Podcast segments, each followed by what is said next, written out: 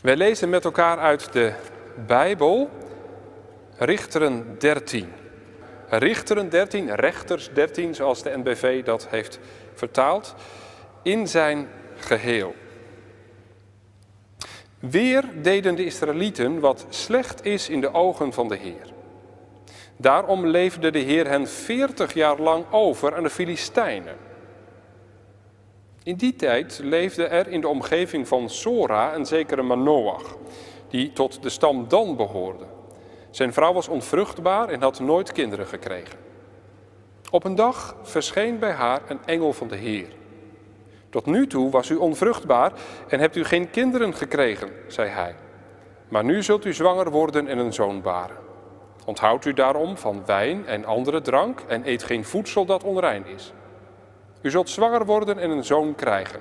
Zijn haar mag nooit door een scheermes worden aangeraakt, want hij zal al vanaf de moederschoot als Nazireër aan God gewijd zijn. Hij zal een begin maken met de bevrijding van Israël uit de greep van de Filistijnen. De vrouw ging naar haar man en vertelde hem dat er een godsman bij haar geweest was. Hij zag er bijzonder ontzagwekkend uit, zei ze. Het leek wel een engel van God. Ik heb hem niet gevraagd waar hij vandaan kwam en hij heeft me zijn naam niet gezegd.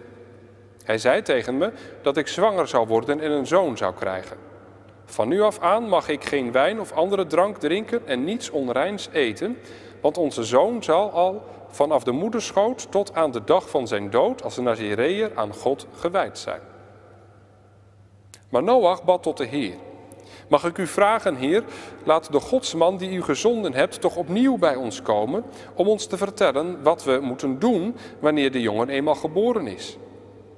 God verhoorde hem en de engel van God kwam opnieuw naar de vrouw toe. Zij was bezig op het land. Maar Noach was op dat moment niet bij haar. Ze haastte zich naar haar man.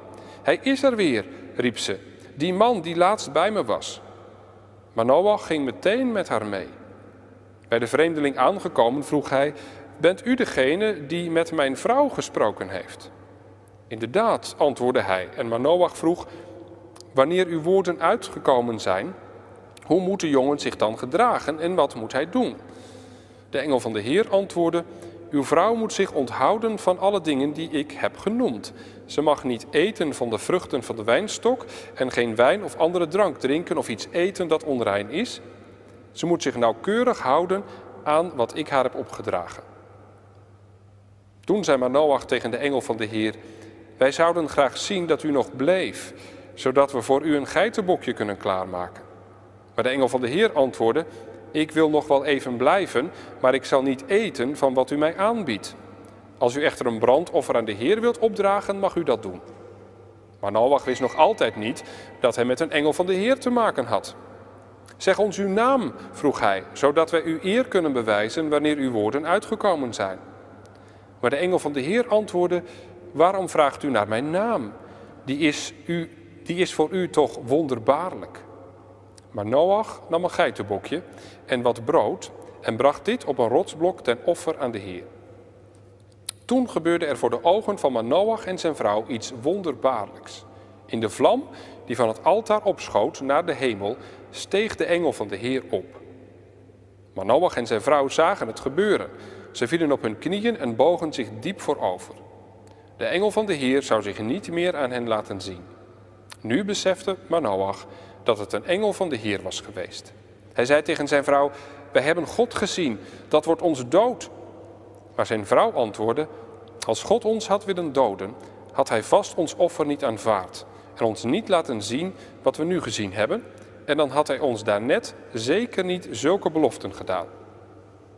De vrouw bracht een zoon ter wereld en noemde hem Simson. De jongen genoot de zegen van de Heer en groeide voorspoedig op. Tussen Zora en Estaol, waar de Danieten hun tenten hadden opgeslagen, werd hij voor het eerst door de geest van de Heer tot daden aangezet. Tot zover de schriftlezing voor vanmiddag. Zalig is en ieder die het woord van God hoort en dat ook bewaart. Halleluja. In de verkondiging zo dadelijk gaan we in op deze wonderlijke gebeurtenis en het cirkelt vanuit het begin van vers 3 Op een dag verscheen bij haar een engel van de Heer. Gemeente van Jezus Christus, het boek Richters daagt ons als moderne lezers op verschillende manieren uit. Met name het vaak excessieve geweld dat we hierin tegenkomen, dat roept als vanzelf een innerlijke afkeer bij ons op. Een gevoel van verbijstering ook. Hoe is een boek als dit ooit in de kanon van de Bijbel terechtgekomen? Maar ook een gevoel van vervreemding. Want als het dan bij de Bijbel hoort, en waar gaat het hier dan eigenlijk over? En waar raakt dit boek mijn eigen leven? En waar raakt het aan de God in wie wij willen geloven? Want ook op dat punt lijkt er toch een hemelsbreed verschil te bestaan. Richters lijkt bij uitstek karikatuurbevestigend. En wie op zoek is naar vermeende gewelddadige wortels van het christendom, ja, die kan hier zijn hart ophalen en die heeft meteen ook een stok om de hond mee te slaan. En in kinderbijbels zul je deze verhalen ook steeds vaker te vergeefs zoeken. En misschien sla je ze zelf ook wel liever over. Omdat je voor je gevoel zo weinig mee kunt. Misschien ook wel om lastige discussies uit de weg te gaan. Daarin zou je overigens niet de eerste zijn. Al in de tweede eeuw is het Marcion die denkt en vindt dat de God van het Oude Testament een totaal andere is dan de Vader van Jezus Christus. De God van het Oude Testament was in zijn ogen een kwaadaardige scheppergod. De Vader van Jezus Christus daarentegen een liefdevolle verlosser. En hij kreeg die twee niet bij elkaar. En om die reden verwees hij het Oude Testament naar de prullenbak. De kerk is hem daarin gelukkig niet gevolgd. Maar daarmee zijn de lastigheden natuurlijk nog niet gladgestreken. Wat heeft dit weerbarstige boek ons in 2021 te zeggen? Hoe moeten wij deze verhalen lezen? Wel, ik zou zeggen woord voor woord en vooral ook tussen de regels door. Want alleen zo kom je voorbij de karikatuur en ontdek je iets over God. En ontdek je hopelijk ook dat het verschil met het Nieuwe Testament misschien toch niet zo heel groot is als je wellicht dacht. Al komt de naam van God in dit boek overigens niet heel vaak voor. En toch is hij de hoofdrolspeler. Ook in die bizarre geschiedenissen van Simson, die by far de bekendste van de twaalf richters is die Israël heeft gehad. En enerzijds spreekt deze krachtpatser tot de verbeelding. Op de zondagschool hoorde je de verhalen over zijn lange haren, zijn bovenmenselijke kracht, waardoor hij zelfs een leeuw met blote handen weet te verscheuren. En je mond viel open je was onder de indruk. Later ontdekte je ook de lastige kanten. Zijn opvliegende karakter, zijn eigen wijsheid, zijn bloeddorstigheid haast en zijn onstuimige liefdesleven. Wat, wat is dit voor een figuur? En kan zo iemand in naam van God handelen, een Nazireër? Zo hebben we gelezen, een God gewijde. Genoeg vragen dus. En ook veel te veel natuurlijk voor één preek. We beperken ons vanmiddag tot het begin, zijn wonderlijke geboorte. En daar hebben wij onze handen ook al vol aan. Neem alleen al vers 1. Maar de Israëlieten deden opnieuw wat slecht was in de ogen van de Heer. En daarom gaf de Heer hen over in de hand van de Filistijnen 40 jaar lang.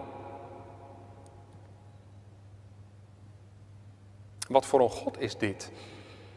Die zijn volk keer op keer prijsgeeft aan de grillen van een agressor. Want die Filistijnen, ja, die waren niet mis. Als eerste volk in de geschiedenis verstonden zij de kunst, zo heb ik opgedoken, om, om ijzererts om te smeden en daar wapens van te maken, ijzeren wapens dus. En in hun drang om hun leefgebied te vergroten, aarzelden ze niet om die wapens ook daadwerkelijk te gebruiken. Veertig jaar lang lopen ze grote delen van het land Canaan onder de voet en terroriseren de Israëlieten. Was dit nu het beloofde land? Hadden ze hiervoor Egypte verlaten? Had Abraham hiervoor Ur der Galdeën verlaten? En heeft Marcion dan toch gelijk? Is die God van het Oude Testament wraakzuchtig en bloeddorstig? De vraag naar God is hier echter niet als eerste aan de orde. De Bijbelschrijver begint aan de andere kant. Want wat voor een volk is dit dat keer op keer zijn God verlaat? Dat is dat bekende, eindeloze refrein dat als een rode draad door heel dit boek heen loopt. En de Israëlieten deden wat slecht was in de ogen van de Heer. Zij vergaten de Heer hun God en dienden de Baals en de gewijde palen. Een moedeloos refrein. Het verhaal van Israël in de tijd van de richters, dat is een verhaal van verval en vervreemding van God en van liefde die keer op keer wordt ingeruild voor wat geen liefde kan bieden. En dat laat God niet onberoerd. Hij reageert gekwetst en, en geeft hem eens ongelijk. Wat had hij niet allemaal voor Israël gedaan? Als een kind, gedragen vanuit Egypte. Alle mogelijke zorg. Maar zij willen liever de afgoden. En dan zegt God goed, als jullie die willen, krijgen jullie hun volk er gratis bij. Want God neemt ons mensen serieus. En dat is er één om te onthouden vanuit dit gedeelte. De dingen hangen ook met elkaar samen. Keuzes hebben gevolgen. En je kunt geen twee heren dienen, zal Jezus later zeggen. Kies je voor de afgoden, dan zijn de gevolgen navenant. Ja, en dat roept dan de vraag op waar vandaag de dag voor ons de afgoden te lokaliseren zijn.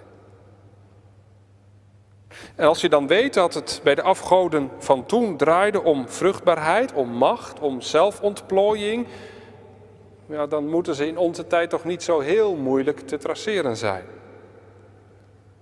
Daar waar het draait om onszelf en, en de vergroting van ons ego, vaak ook ten koste van anderen, ten koste van de verbondenheid en de waardigheid van onze naasten. Ja, daar zijn de afgoden springlevend en nooit ver weg. De gevolgen van onze aanbidding blijven niet uit. Deze machten geven geen vrijheid.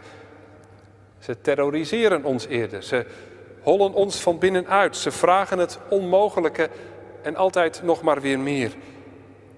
Waardoor er voor God en zijn zegen steeds minder ruimte overblijft. Wijs dus niet meteen en allereerst naar God als het niet goed gaat. Maar durf ook eerlijk in de spiegel te kijken. Persoonlijk en, en met elkaar. Maar er is meer dat opvalt in dit eerste vers. Die 40 jaren, die springen er natuurlijk ook uit.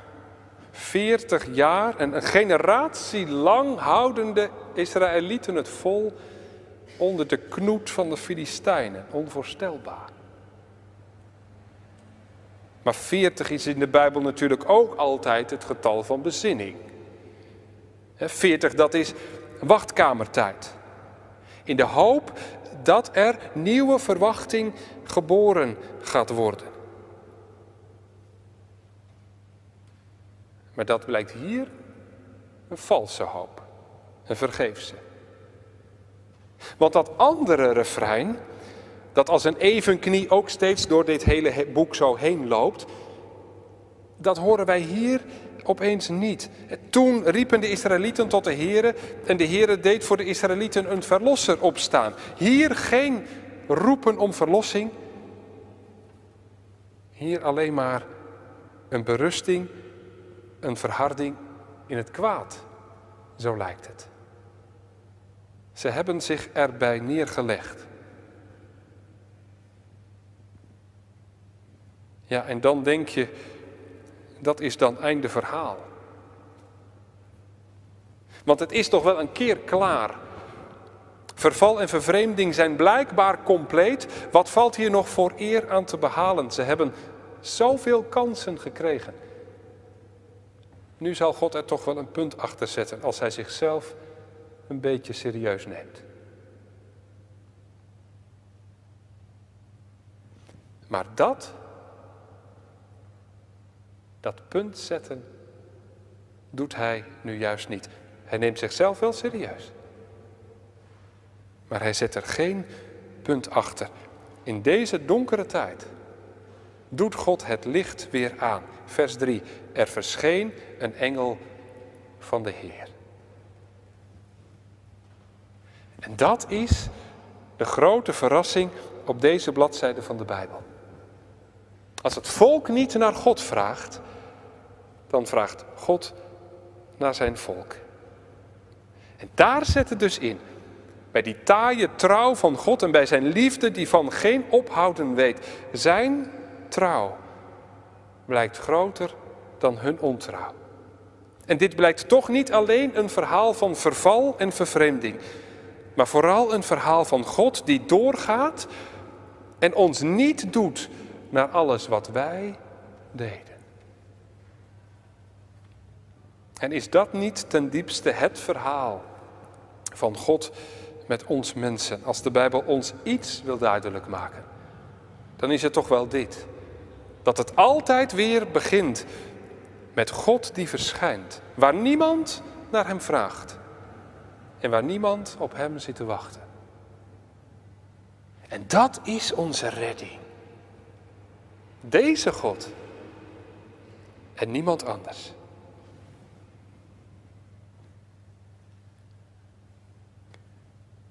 Maar aan wie verschijnt God hier eigenlijk?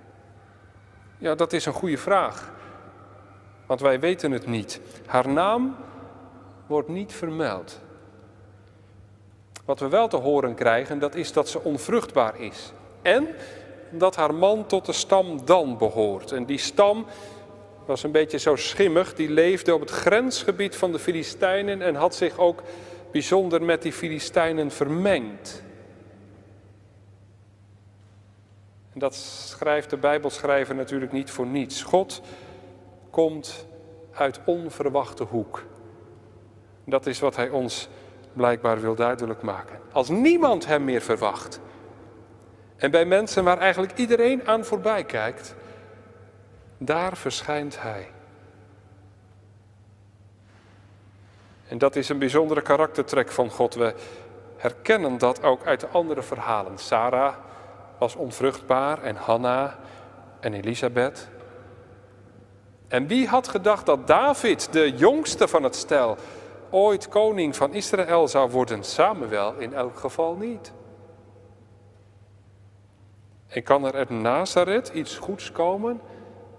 Zal Nathanael even later zeggen. God heeft blijkbaar een voorkeur voor het verrassende. Voor daar waar wij Hem niet verwachten. En voor mensen die er bij onze maatstaven zomaar weer buiten vallen. En ja, daar moet je dus nog steeds op bedacht zijn. Waar het hopeloos lijkt en leeg, daar hoeft dat nog niet het geval te zijn. Simpson wordt geboren dwars door de onmogelijkheid heen.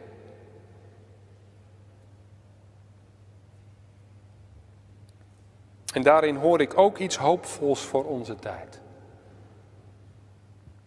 Te meer omdat die verhalen over de richters profetisch van aard zijn. Ze, ze willen de tijden doorlichten tot op God. In de Joodse indeling valt dit boek dan inderdaad ook onder de profeten. En niet onder de geschriften, zoals je misschien zou denken.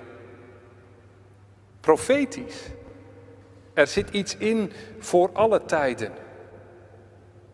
Dus ook voor de onze, die in zekere zin getekend wordt door duisternis, verval, grote woorden, maar toch.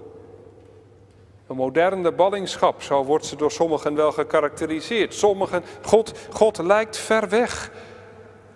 En voor velen doet hij niet ter zake. Ieder lijkt te doen wat goed is in zijn eigen oog. Maar wees ook nu bedacht op God en zijn onverwachte verschijning. Soms zomaar ergens in een uithoek doet hij het licht toch weer aan. Laat hij hoopvol van zich horen. En dat is dan ook meteen de sleutel tot deze geschiedenissen. Want meer nog dan om historische gebeurtenissen en figuren gaat het om God en wat Hij aan het doen is. Zijn omgang met mensen is verrassend en is genadig. En van die genade moet je het hebben. En daar mag je je hart ook aan ophalen. Ook als het om je eigen kleine leventje gaat, met alles wat daarin gebeurt. En waarin de afgoden ook zomaar weer opduiken en ons weten te betoveren. En waarin dat refrein van de richters zich op kleine schaal ook zomaar weer herhaalt. Paulus die verwoordt dat. Het goede dat ik wil, dat doe ik niet. En het kwade dat ik niet wil, dat doe ik. Maar God laat zich er niet door afschrikken. Hoor maar, hoor maar wat die engel zegt. Hij verschijnt niet alleen, hij doet zijn mond ook open. En dan vertelt hij opvallend genoeg wat wij al weten. Want in vers 3 worden de woorden van vers 2 woordelijk herhaald. In de ziende statenvertaling, zie toch, u bent onvruchtbaar en hebt geen kinderen gebaard. En daarmee strooit deze engel geen zout in de wonden, maar laat hij weten dat hij van de situatie op de hoogte is. Niet alleen van de situatie van deze vrouw, maar van de situatie van heel het volk. Want de onvruchtbaarheid van Manoachs vrouw is beeld van de onvruchtbaarheid van het hele volk. Zij, zij brengen niets meer voort. Er komt geen leven meer uit de voorschijn. Dor en doods is het omdat ze God hebben verlaten. En daarom zegt Manoach ook iets opvallends tegen die engel, die op zijn verzoek voor de tweede keer verschijnt. Dan zegt hij, bent u de man die tot deze vrouw gesproken heeft? En dan hebben we een aardige verschil met de NBV, want daar staat, bent u die tot mijn vrouw gesproken hebt. Maar het bezittelijke voornaamwoord staat er niet. De vrouw, dat klinkt een beetje afstandelijk. Een beetje zoals die eh, boer die mij ooit opbelde met de mededeling dat de vrouw in het ziekenhuis was opgenomen. Hij bedoelde zijn vrouw.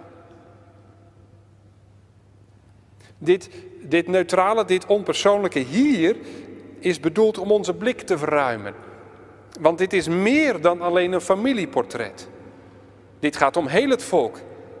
Ja, dit gaat zelfs om heel de wereld waarin God verschijnt als verlosser te midden van de leegte, te midden van de vruchteloosheid.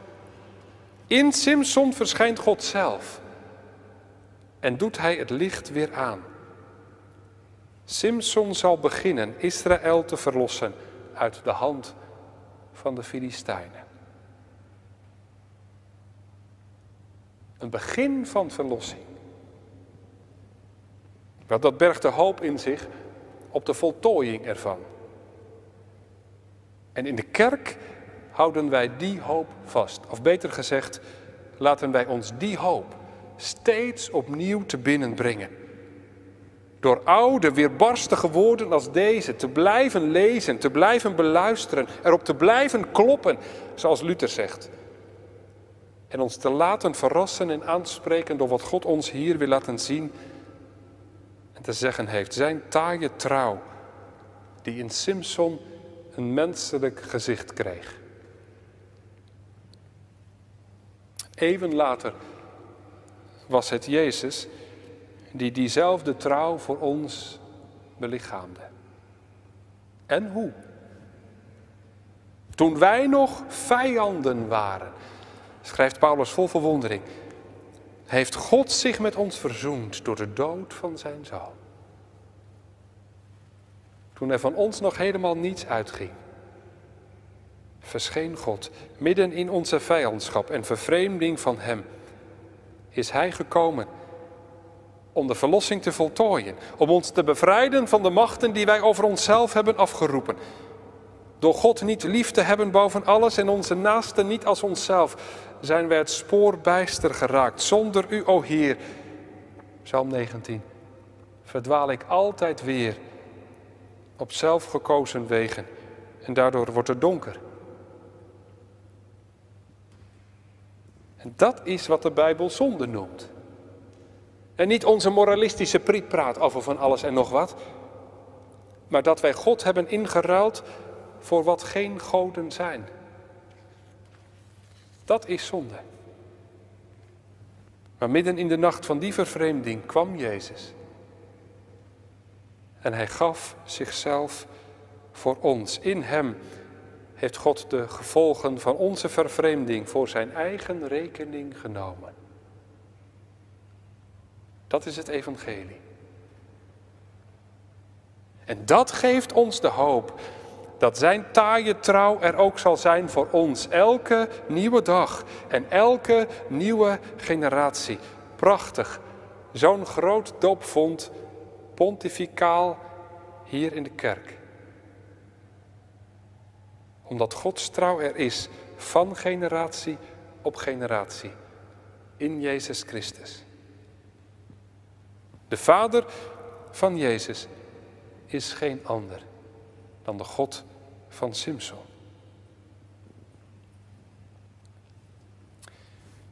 Ten slotte nog heel kort iets over die naam.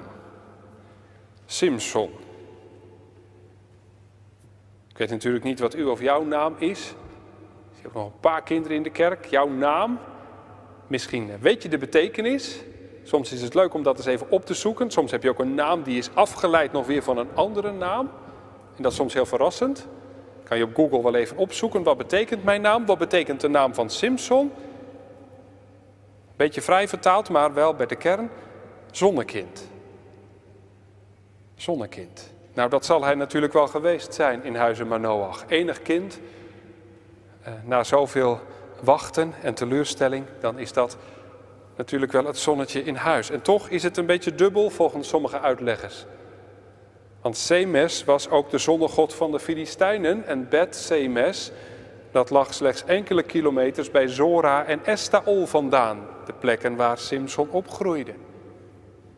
En daarom zou zijn naam zomaar kunnen wijzen op een, een vermenging met heidense godsdienst, syncretisme. Zelf denk ik dat het waarschijnlijker is om in deze naam een beleidenis te horen. Zeker als je, als je leest hoe gelovig de moeder van Simpson reageert op de boodschap van die engel. En zij is overigens ook degene die hem zijn naam geeft. Hè? De vrouwen, zeker deze vrouw gaat hiervoor op in geloof. Dat is wel heel opmerkelijk en dat heeft ons ook altijd weer veel te zeggen. Simpson, zonnekind, omdat God in hem zijn genadelicht laat opgaan als de zon. In die donkere tijd waar geen verwachting meer is na 40 jaren, begint toch zijn verlossing te dagen. Zoals de zon die s'morgens de hemel al rood kleurt en daarna hoger en hoger klimt en heel de aarde beschijnt. In dit zonnekind doet God het licht weer aan begint zijn heil te dagen voor Israël, voor heel de wereld. Advent midden in de zomer. En wij zien uit naar de dag waarop er geen nacht meer zal volgen, omdat Christus als de zon van Gods gerechtigheid het licht zal zijn voor heel de aarde. Maranatha, ja, kom haastig, Heer. Amen.